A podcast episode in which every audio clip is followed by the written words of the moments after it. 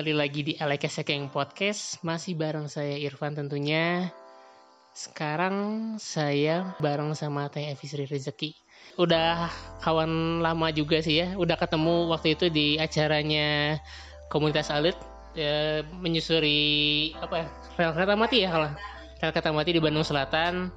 Ya sekarang dua tahun kemudian kayaknya udah udah ketemu lagi. Sempet sih eh, kita ketemu beberapa kali juga karena TFI ini seorang blogger. Saya juga uh, punya side projectnya blogger juga gitu.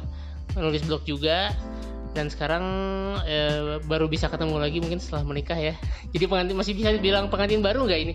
Eh, masih. Enggak sih soalnya udah ada yang nyaingin ya. Kemarinnya udah pengantin lebih baru. Jadi udah nggak bisa disebut pengantin baru. Udah kalah sama Isyana ya. Isyana pengantinnya baru Iya, itu baru kemarin. ya eh, TFI ini eh, selain blogger juga nulis buku. Bukunya udah berapa banyak nih teh? Kalau yang eh, single ah, maksudnya solo buku Iya. solo itu tiga baru tiga. Tapi kalau misalnya yang duet hmm, buku duet sama Eva itu ada dua. Ya kalau misalnya antologi nggak tahu lah banyak ya? Hmm. Ya jadi TFI ini eh, punya berbagi berbagi hobi ya sama saudara kembarnya. iya Dan ini lumayan terkenal juga jujur aja saya kalau misalkan kemarin waktu kita sempat bikin eh, konten YouTube ta- tahun lalu banyak yang bilangnya "Oh, ini blogger kembar itu ya. oh, Pada iya. pada tahunya gitu orang-orang ya teman-teman media, teman-teman yang punya hobi yang sama ketika ngeliat konten saya udah tahu ini blogger kembar di Bandung. Hmm. mungkin belum ada lagi blogger kembar di tempat lain Oh iya teh, Eh, mu- awal, awal mulanya jadi blogger itu gimana? kalau jadi blogger itu tahun 2012 Oh berarti masih masih agak baru, agak baru juga ya? iya jadi duluan nulis buku malah Oh nulis buku dulu? nulis buku dulu baru ngeblog Oh iya iya kalau lo- blogger awal mulanya tadi gimana? jadi waktu itu 2012 saya awalnya itu kan 2010 saya lulus kuliah Iya.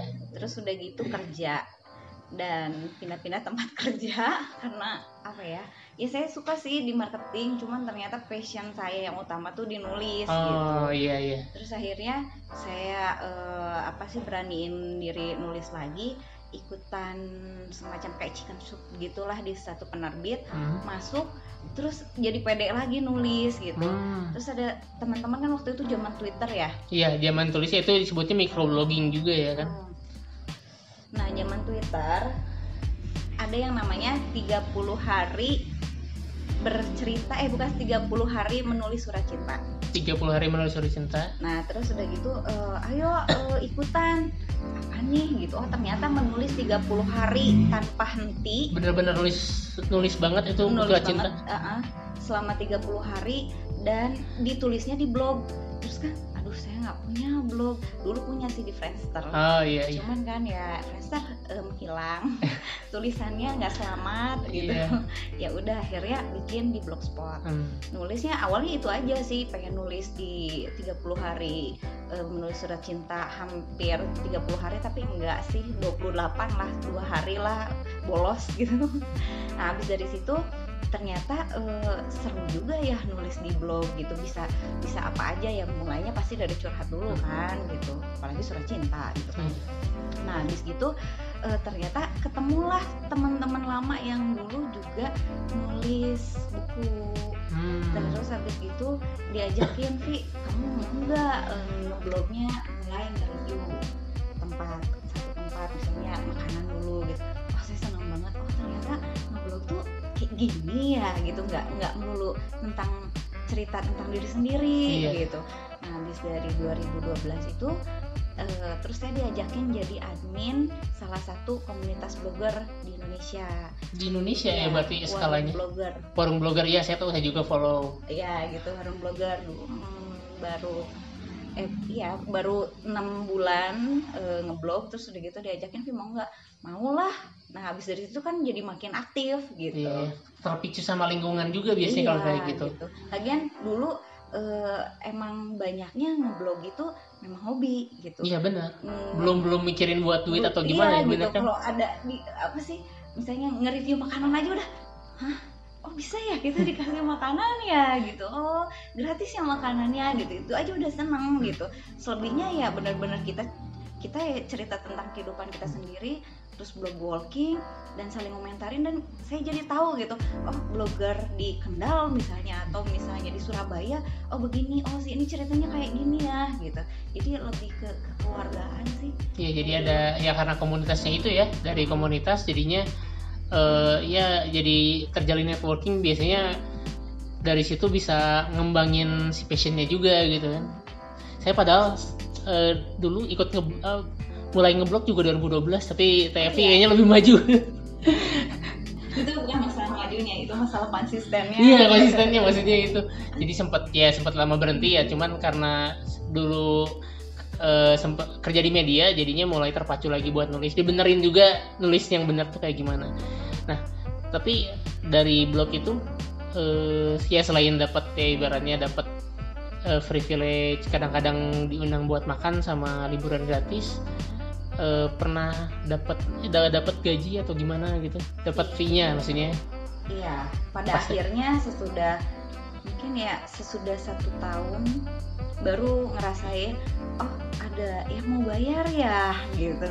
Oh ternyata kayak gini atau misalnya asalnya makan gitu terus udah gitu dikasih produk produknya tuh yang dikirim ke rumah gitu Iya. bukan lagi kita yang datengin gitu tapi produknya yang datang terus udah gitu selain dikasih produk dikasih uang juga Hmm. gitu ya rasanya sih sesu- sesudah setahun tapi setahun itu emang bener-bener yang hampir Perjuangan. nggak nggak putus banget itu ngeblognya benar-benar ber- eh, seminggu isi berapa Iya bisa 3 sampai 4 kalau Oh. dulu. Iya itu udah udah udah aktif banget kebayang sih jadi setahun tuh bisa ratusan tulisan ya. Mm, Jadi pantas eh, trafficnya pun pasti orang pasti ngelihatnya dari situ kan ya. Iya. Jadi ketika misalkan orang nyari sesuatu ngelihat, eh ini blog apa nih, Mm. bisa langsung ke sana ke arah sana. Nah terus juga eh, saya juga sempat ngobrol sama TFI ya waktu itu eh, acara ini ya, bukan kita kumpul-kumpul yang riung digital itu ya. Iya. Yaitu tentang ya TFI sharing juga tentang dunia perblogan ya. Mm. itu juga banyak cerita-cerita seru juga. Terus katanya ada katanya ada aturannya juga ya sebenarnya. Ya aturannya maksudnya kayak harus jujur. Iya. jadi gimana tuh? Kan kan ini dibayar sama orang. Terus eh, kadang-kadang kalau misalkan dapet yang memang si produknya buruk itu gimana? Apakah harus disampaikan atau gimana? Jadi biasanya kayak gini, salah satu contohnya adalah nge-review buku. Itu eh, walaupun teman sendiri ya, kan Iya. saya dulu nge-review buku ya buku yang dibaca aja gitu. Lama-lama kan orang baca, eh bisa nggak reviewin buku saya? Ya bisa aja Hmm. gitu. Tapi udah baca belum tulisannya? Eh, ya kalau misalnya kehitungnya galak gimana Iya. gitu ya saya nggak mungkin ngomong baik-baiknya aja dan di buku pasti ya kecuali kalau misalnya perfect banget gitu Iya. si bukunya gitu ya tapi kalau misalnya Jujur-jujuran aja. Ya. eh, gitu. Jadi nanya dulu ke orangnya Hmm. suka nggak dengan gaya tulis begini? Eh, cocok nggak? Bukan suka cocok nggak? Kalau nggak cocok ya mendingan nggak usah aja gitu. Karena pasti ya saya kupasnya ada lebihnya ada kurangnya gitu. Jadi ya gimana ya? Karena kan kita gini blogger itu eh, kalau saya lihat ya di luar itu kan kepercayaan orang tinggi banget ya sama Iya. blogger gitu. Dulu dulu di Indonesia juga orang-orang tuh benar-benar percaya banget gitu sama blogger. Kenapa? Karena dia best best experience beda sama Iya, wartawan gitu. benar, apa sih benar. apa yang ngebedain blogger sama wartawan? Karena blogger itu nyobain gitu. Eh, blogger itu experience-nya dulu bukan memberitakan Iya, gitu betul. tapi tapi memberitahu eh, experience-nya seperti apa gitu kan karena itu kan berarti ada ada trust jadi si pembaca itu harus harus, Harus trust sama kita juga, gitu. gitu kan kalau misalnya nggak dibangun trustnya terus kita selalu ngomong oh ini Yang bagus-bagus semua. bagus-bagusnya aja kan orang eh, kalau saya pikir kalau saya baca gitu yang bagus-bagusnya aja iya gitu gitu. Terus udah gitu tiba-tiba saya nyobain ke satu tempat zong gitu. Kok- kecewa ya jadinya nggak gitu. sesuai. Ya. Mm-mm, gitu kan. Jadi kok ini nggak disampaikan gitu. Walaupun walaupun juga itu ada ada etikanya juga ya gitu. Ketika misalnya menyebutkan kekurangannya ya eh, kita juga konsultasi dulu sama orangnya gitu. Misalnya kita ya di, diundang ke staycation gitulah Hmm. ke satu hotel gitu. Uh, misalnya ketemu sama PR-nya dulu terus ngobrol bahwa uh, masukan kita seperti ini loh gitu. Ini bisa diterima enggak? Boleh ditulis atau enggak? Kalau misalnya enggak ya deal-dealan di awal dulu uh, bahwa yang mending gak usah ditulis aja gitu. Karena oh kalau iya, iya dari uh, awal ya. gitu biar biar sama-sama enak kita uh, dapat trust dari pembaca kita juga sudah menyampaikan unek-unek kita ya itu sih jujur gitu. Jadi kalau misalnya sama-sama nggak cocok di beberapa poin ya mending nggak usah aja. Tapi itu pernah dari uh, dari nulis itu kok bisa dapat link itu dari mana? Apakah dari teman atau misalkan nyari sendiri nawar ngasih surat penawaran atau gimana? Biasanya awalnya sih karena kan di komunitas ya oh karena berkomunitas karena itu ya? berkomunitas. Jadi uh, biasanya kan kalau komunitas itu dia suka kalau dulu di Indonesia tuh ada blogger Nusantara. Iya. Blogger Nusantara terus ada ada aduh kelaran apa yang internasional ada satu lagi selain blogger Nusantara. Nah biasanya si komunitas-komunitas ini tuh diundang gitu kan. Nah saya biasanya e, diminta sebagai perwakilan.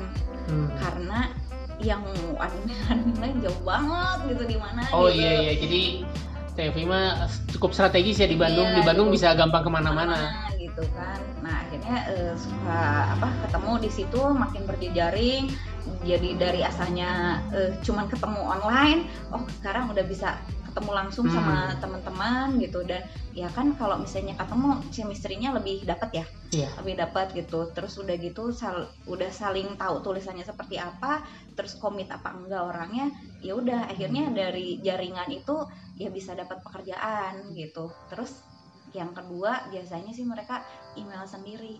Oh karena udah pasang email juga ya di sosial media Iya. jadi ya di blognya juga. Jadi ketika misalkan tertarik dimulai ini ya mulai diajak gitu ya? Mm-mm, gitu. Nggak kalau sekarang kan suka di DM gitu. Kalau Iya. dulu sih di email aja gitu. Terus sekarang udah bisa langsung di WhatsApp gitu Iya, kan, langsung sekarang. hubungin gitu. Ya kayak gitu sih jarang nawarin sih. Jarang nawarin ya istilahnya Nawarin. Kecuali misalnya eh, datang ke satu tempat udah gitu misalnya ada satu restoran gitu lagi nge-review si PR-nya kebetulan memegang beberapa restoran gitu. Baru eh, ini bisa eh, dilanjut kerjasamanya kayak gitu Oh. gitu. Jadi kebanyakan sih nggak nawarin. Nawarin. tapi kalau pernah nggak nulis sesuatu yang misalkan ini nggak nggak ada kerja sama apa apa misalkan TFI datang ke sebuah tempat terus ya ini ngerasa ini bagus buat ditulis tulis aja gitu tanpa ngobrol sama PR-nya atau apanya. Jadi benar-benar uh, based on experience aja gimana tuh pernah nggak? Pernah tempat wisata ya? Ya kebanyakan sih tempat wisata eh, atau yang ada nilai sejarahnya karena kan Ah, emang kesukaannya di situ. Jadi karena suka ya pasti eh, saya biasanya nyempatin diri buat nulis. Iya iya. Gitu. Jadi itu enggak enggak enggak ngobrol sama PR-nya atau apa gimana enggak nulis aja. Tulis gitu. aja karena memang seneng ya Emang basicnya seneng gitu. Nah, ini mungkin coba kalau misalkan sekarang eh, ketika sekarang udah YouTube udah mu- mulai makin kenceng ya, podcast juga udah makin kenceng, cuman YouTube sih kayaknya sekarang yang benar-benar lagi raja tuh ya buat buat review itu berkurang nggak sih? Maksudnya jadi tawaran ngebloknya jadinya jarang gitu, jadinya banyaknya si tempat-tempat eh, wisata brand itu nawarinnya via YouTube atau gimana? enggak nggak nggak berkurang jadi tetap punya pasarnya sendiri gitu. Sendiri justru kalau misalnya YouTube saya itu biasanya jadi bonusnya. Oh bonusnya? Jadi bonusnya. Jadi ya kalau lagi rajin gitu ya lagi rajin eh, ya nulis ya bikin video gitu. Eh, jadi leb- orang lebih cenderung ke tulisan sih kalau saya. Iya iya. Eh, tapi berkurangnya ini bukan karena YouTube. Berkurang apa? berkurangnya karena media sosial. Oh Instagram kayak gitu. Instagram, Facebook, Twitter. Jadi eh, biasanya malah udahlah live tweet aja udahlah IGS aja Iya, IG iya, iya. udah cukup nggak usah nulis nggak apa-apa. Gitu, Oh, gitu. iya, jadi karena apa ya mungkin ya orang banyak spend waktunya sekarang di Instagram. Hmm. terus gampang viral juga ya ketika misalkan ada suatu tempat yang baru kita posting duluan itu bisa jadi viral. Kayak kemarin ya kayaknya TVI baru eh, naik kereta api yang ke Garut. Iya. Itu kan ibaratnya jadi yang salah satu yang pertama ya yaitu ya lumayan buat saya sih lumayan menarik perhatian ya. Ya ketika di sosial media ada kayak gitu ya eh, ya jadi daya tarik tersendiri lah ya. Iya sih kemarin juga waktu eh, apa posting IG feed sama IGS tuh banyak banget apa ya DM sama komentar komentar gitu. Jadi dan sambutannya bagus sih kemarin. Iya saya apa ya eh, nemu sebuah video eh, yang diposting di Twitter yang dia ngambil kedatangannya si kereta dari dia pakainya pakai drone sih. Terus pakai apa yang eh, lagu sepanjang jalan kenangan itu itu saya merinding loh. Jadi wow ini eh, apa ya sambutannya masyarakat gitu banget. Ya saya yang bukan orang Garut pun jadinya ya merasa terharu juga dan pengen naik. Emang terharu banget kok. Terharu banget ya. Apalagi sepanjang jalan itu dari mana ya mulai banyak banget yang keluarga ya? Wanaraja gitu kalau nggak salah dari Wanaraja tuh sampai stasiun Garut tuh warga tuh berjajar asli. Yang ngeliatnya kita yang sampai bingung Hah, kok kok banyak banget orang? Iya. gitu. Terus pas turun di, di kereta di stasiun Garut terus mereka tuh yang langsung ya ampun bentar lagi ya kapan ya kapan ya? Gitu. Ditanya tuh bener-bener yang bener-bener happy gitu. Dan Iya. Dari anak kecil sampai orang dewasa bahkan petani itu ya. Hmm. sampai saya ngelihat cangkulnya tuh bener-bener ditaruh dulu cuma buat buat dada-dada. Gitu gitu. Jadi bener-bener nungguin kebayang 37 tahun nggak ada kereta. Iya, iya. Apalagi itu nanti kalau misalkan ya ke Ciwidey yang Tanjung Sari udah pada dibuka kayaknya ya sangat ya buat mereka jadi, momentum banget ya. Kayaknya. Ciwidey agak susah kayaknya. Masih di proses. Proses. Ya kan kita juga waktu itu nyusurin jalur ke sana. Kebayang lah jalurnya kayak gimana agak bak pasti susah buat ngat dia dibuka lagi pasti agak susah. Nah kalau misalkan dari pengalaman eh, selama ngeblok mungkin ya sekitar 8 tahun lebih eh, ada cerita yang paling memorable? Cerita yang paling memorable. Em, banyak soalnya. Satu aja. Yang paling wah ini eh, ya atau misalkan eh, yang benar-benar ketika ngeblok itu eh, dapat sesuatu liburan yang jauh atau gimana? Yang mana ya ini ya? Udah banyak banget. Eh, ini sih ada ada dua lah ya. Satu yang perjalanan sendiri sama ada satu lagi perjalanan sama Eva. Oh iya. Kalau misalnya perjalanan sendiri waktu itu saya lagi riset novel yang tentang kopi ini. Terus udah gitu eh, ke Bogor ke perkebunan Arca yang yang pun itu gunung pisan gitu ya. Iya gunung pisan dan jalannya ya Allah susah pisan gitu ya. Itu pakai apa. Ada kendaraan yang disiapin tapi motor trail trail lah gitu? naik trail? Naik trail. Oh. Nah terus habis itu eh, waktu itu handphone saya tuh memang lagi error. Hmm. Error terus udah gitu tapi ya nggak ada handphone lagi kan dan Iya. belum punya kamera gitu jadi nyamot foto-foto ya pakai pakai itu gitu walaupun di situ juga barang ada beberapa influencer juga gitu ada fotografer dan lain sebagainya tapi kan saya butuh datanya ya benar-benar buat saya gitu Iya, kan betul, betul. nah terus habis itu di akhir perjalanan Hmm. di akhir perjalanan eh, setelah tiga hari tiba-tiba handphonenya super ngadat itu masih di kedai kopi eh, sebelum pulang ke Bandung karena pem- pemberhentiannya di Depok. Si handphonenya itu minta di restart terus udah gitu ini restart nggak? Ya nggak di restart dia nggak mau jalan juga gitu kayak ngeheng. Ya udahlah di restart dan nggak pernah nyala lagi sampai ya maksudnya jadi harus beli lagi. Iya harus beli lagi, tapi kan masalahnya itu adalah di situ tuh ada wawancara, ada foto-foto, ada lain sebagainya. ini kasih dikomentasikan Iya, BT-nya Iya, aduh. di situ ya ampun, asli itu mau nangis dah. Pas pas pulang tuh ya, "Oh, gimana dong gitu. Ya akhirnya minta ke yang teman-teman yang lain, ya seadanya sih. Ya kayak minta adalah foto beberapa terus data-data juga gitu ya enggak kalau data nggak bisa. oh nggak bisa ya Nggak bisa karena tidak ada yang ketertarikannya eh, sama. Seperti eh, seperti saya gitu. Ya mereka emang pasti ngetrip aja iya, gitu. Beda ya beda. Eh, gitu kan. Kalau saya emang sambil riset gitu kan jadi beda gitu. Jadi ya ini riset kopi ya?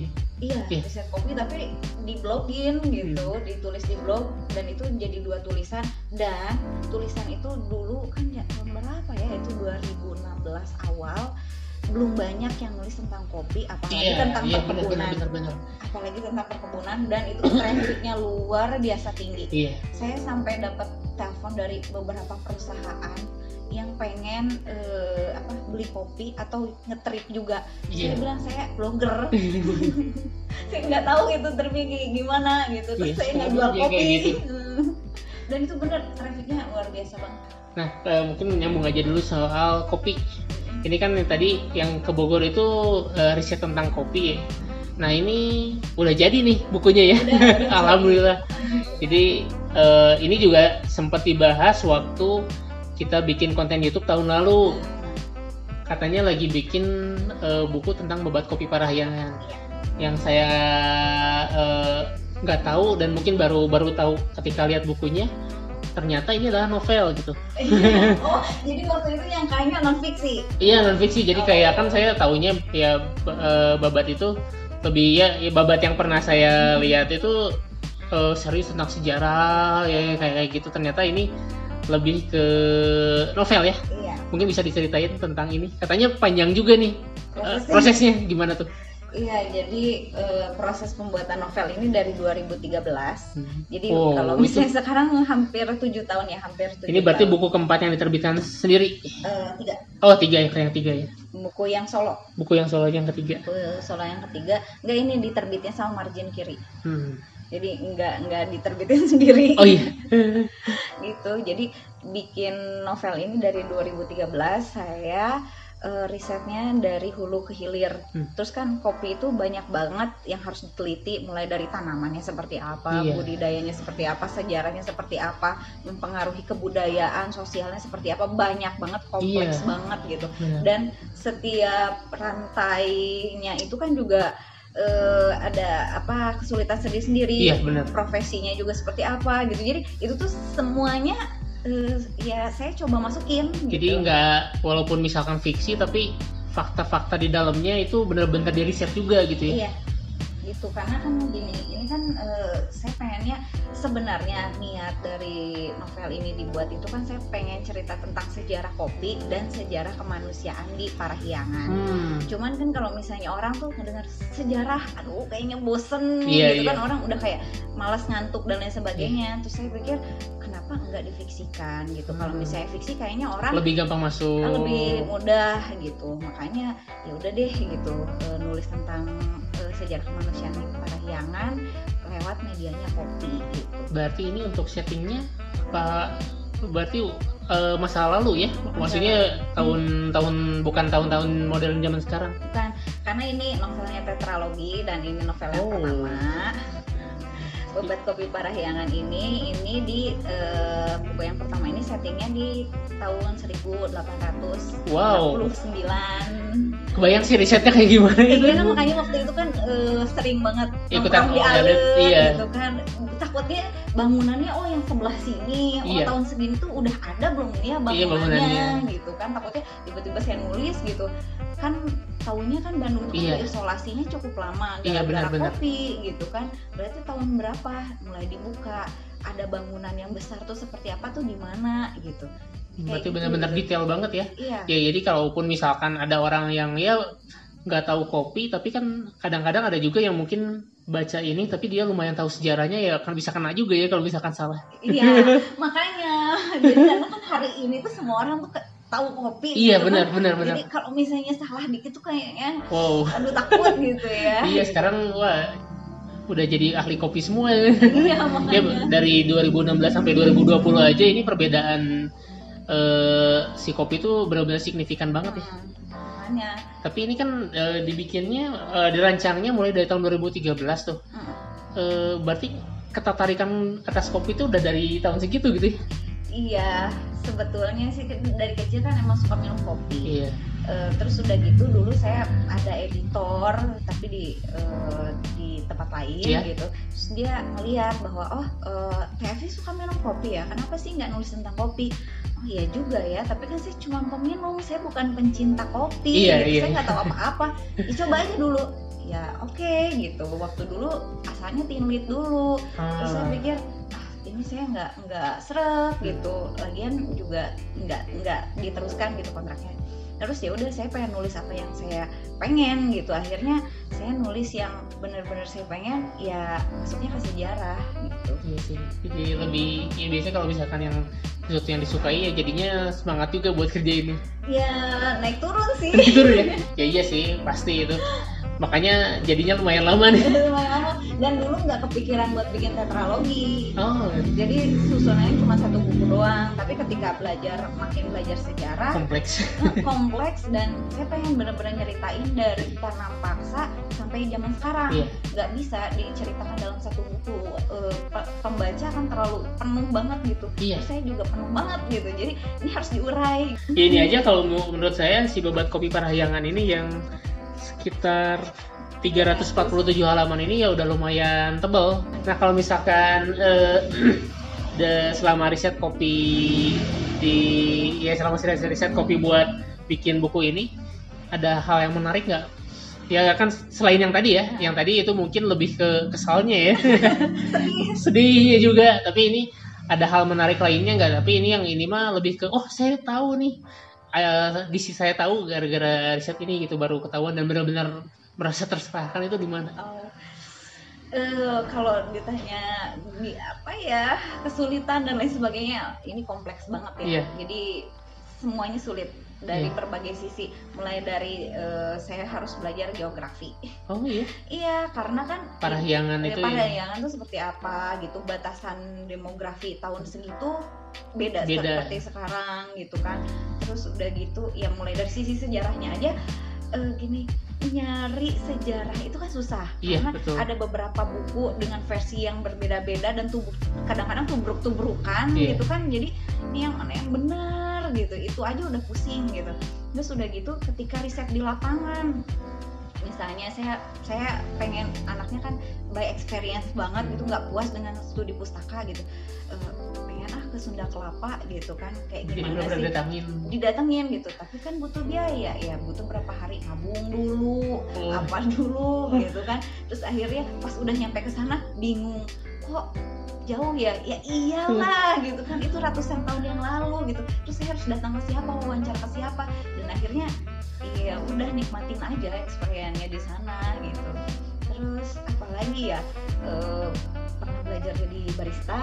Oh iya, yang Iya, di lima tujuh lima delapan itu. Oh bukan di Bukan. kopi bara kopi bara itu di Bandung di, juga. di Bandung tapi sekarang lagi hiatus Hmm. Hmm, kalau dulu saya eh, tempatnya di Cibadak itu tiga Oh. bulan terus harus belajar manual brew seperti apa eh, bikin latte seperti apa itu kan dua kopi apa ya sajian berbeda kopi yang ya. berbeda gitu Jauh dan banget. harus bisa gitu kan ya kalau manual brew bisa lah agak cepat lah Iya. belajarnya tapi kalau udah bikin latte udah, udah harus ngegambar Iya itu ya ampun sampai bulan terakhir pun udah menyon menyon nggak bisa pusing terus sampai kalau sekarang nggak bisa juga. kalau sekarang kayaknya udah nggak bisa Udah nggak bisa karena udah eh, nggak nggak terlatih ya tangannya. Kalau Tapi itu berarti jadi barista cuma buat riset doang gitu. Iya, sebenarnya ada sih eh, karena udah menikmati profesinya ada satu titik di mana terusin aja gitu ya jadi barista gitu.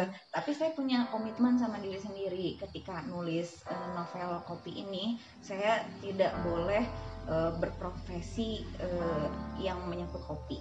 Jadi biar nggak bias juga ya. iya biar nggak bias biar enggak apa ya biar objektif lah ya Iya gitu. jadi karena kan setiap profesi dia punya sudut pandang iya kalau misalkan Ah. ambil terlalu banyak sudut pandang ya bingung juga. Ambil sudut pandangnya sudut pandang yang siapa gitu. Makanya, gitu kan jadi ya sebisa mungkin saya komit buat enggak gitu jadi untuk menekan diri sendiri eh Pi nggak boleh jadi barista gitu ayo keluar kamu tuh kan mau nulis bukan jadi barista itu tuh udah perjuangan luar biasa lah Karena Apa yang udah, batin karena gitu. udah menikmati jadi barista juga ya Iya, bikin udah kopi ya karena udah bisa gitu. juga. Apalagi sekarang tuh ya eh, punya apa ya? Lagi menjanjikan juga bisnis kopi. iya menjanjikan banget Iya sekarang terus juga ya ini ibaratnya juga si babat kopi parahyangan parahyangan juga akhirnya jadi launching di saat yang tepat.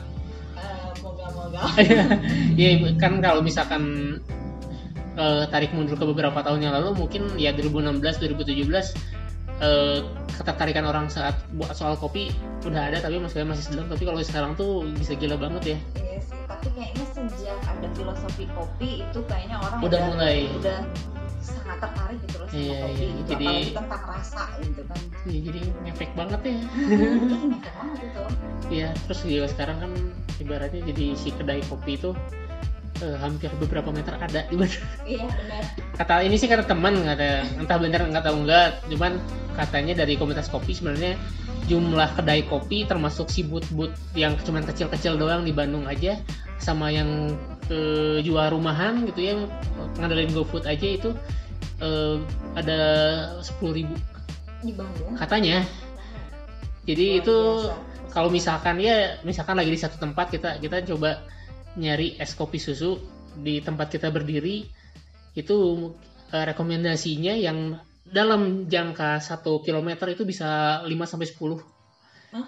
Iya, Serius? Wow. Ini saya kalau misalkan nyoba di kantor ya, es kopi susu itu tuh ada yang cuman bedanya cuman 0, eh 0,2 km 200 meter sampai ada yang eh, 0,4 km juga ada. Jadi cuma dua beda 200 meter Iya, ada. Ada ini kopi. Saya juga lagi pengen nulis itu, cuman ya mungkin jadi bahan bacaan juga nih dari bukunya TFI ini. Nah selain membuat kopi parahyangan, ada cerita apa nih? Kan katanya sebelum ngeblog tuh sebenarnya nulis buku dulu. Iya. Nulis buku kapan tuh? 2008 itu 2008. novel pertama Marshmallow Eh, jadi itu teen lead jadi Ah. dua buku sebelum ini solo itu dua-duanya teen lead Nggak seberat ini ya? enggak makanya itu loncatannya tuh luar biasa gitu. Yang pertama dulu karena masih belajar ya 2008 Marshmallow itu prosesnya nggak begitu lama nulisnya cuma tiga bulan itu ceritanya tentang eh, kalau sekarang isu body shaming lah gitu, Iya, iya. isu bullying gitu. Nah itu 2008 saya cerita tentang itu gitu. Dan gimana anak agar percaya diri eh, dengan tubuhnya tapi eh, eh, seperti apa gitu dengan berkarya gitu. Yang 2008 2008 itu ada riset juga apa misalkan riset psikologi ke benar-benar berdasarkan perasaan aja Eh, mungkin. benar-benar base pengalaman. Oh pengalaman sendiri ya, iya. Kadang-kadang memang ya nulis fiksi tuh iya paling mudah dari pengalaman sendiri. Iya. jadi eh, memang penyakitnya kebanyakan mungkin ya tapi saya nggak tahu juga sih nggak bisa digeneralisasi tapi yang saya lihat bahwa penulis itu biasanya awalnya menulis tentang dirinya Iya, iya. karena kadang suka bingung ngarang juga ya. ya cuman ganti nama aja biasanya. Nah kalau misalkan tadi katanya ini tetralogi, buku tetralogi, berarti eh, kapan nih yang selanjutnya misalkan ini apakah setiap dua tahun sekali atau setiap ini kan lama nih pembuatannya. pengennya sih tahun depan udah keluar Wah, tapi cepet tapi nggak bisa ngejamin karena Iya. kan saya anaknya gitu ya gitu jadi kalau udah kasihkan riset tuh udah terus Terus ya. gitu gitu dan nggak karena nggak puas nggak puas nggak puas nggak Ah. puas udah gitu makanya ini pun lamanya karena itu gitu jadi kalau kata juri lomba eh, Dewan Kesenian Jakarta kan saya ikutin. Hmm, dipahat dengan hati-hati. Iya, dipahat dengan sabar. Dari Fatih yang sabar. di, dipahat dengan sabar. Jadi saya nggak tahu sih nanti apakah buku kedua bisa tahun depan atau tahun Iya. depannya lagi. Saya pengennya juga cepet gitu. Tapi kalau bahan-bahannya udah dikumpulin semua atau misalkan eh harus riset lagi.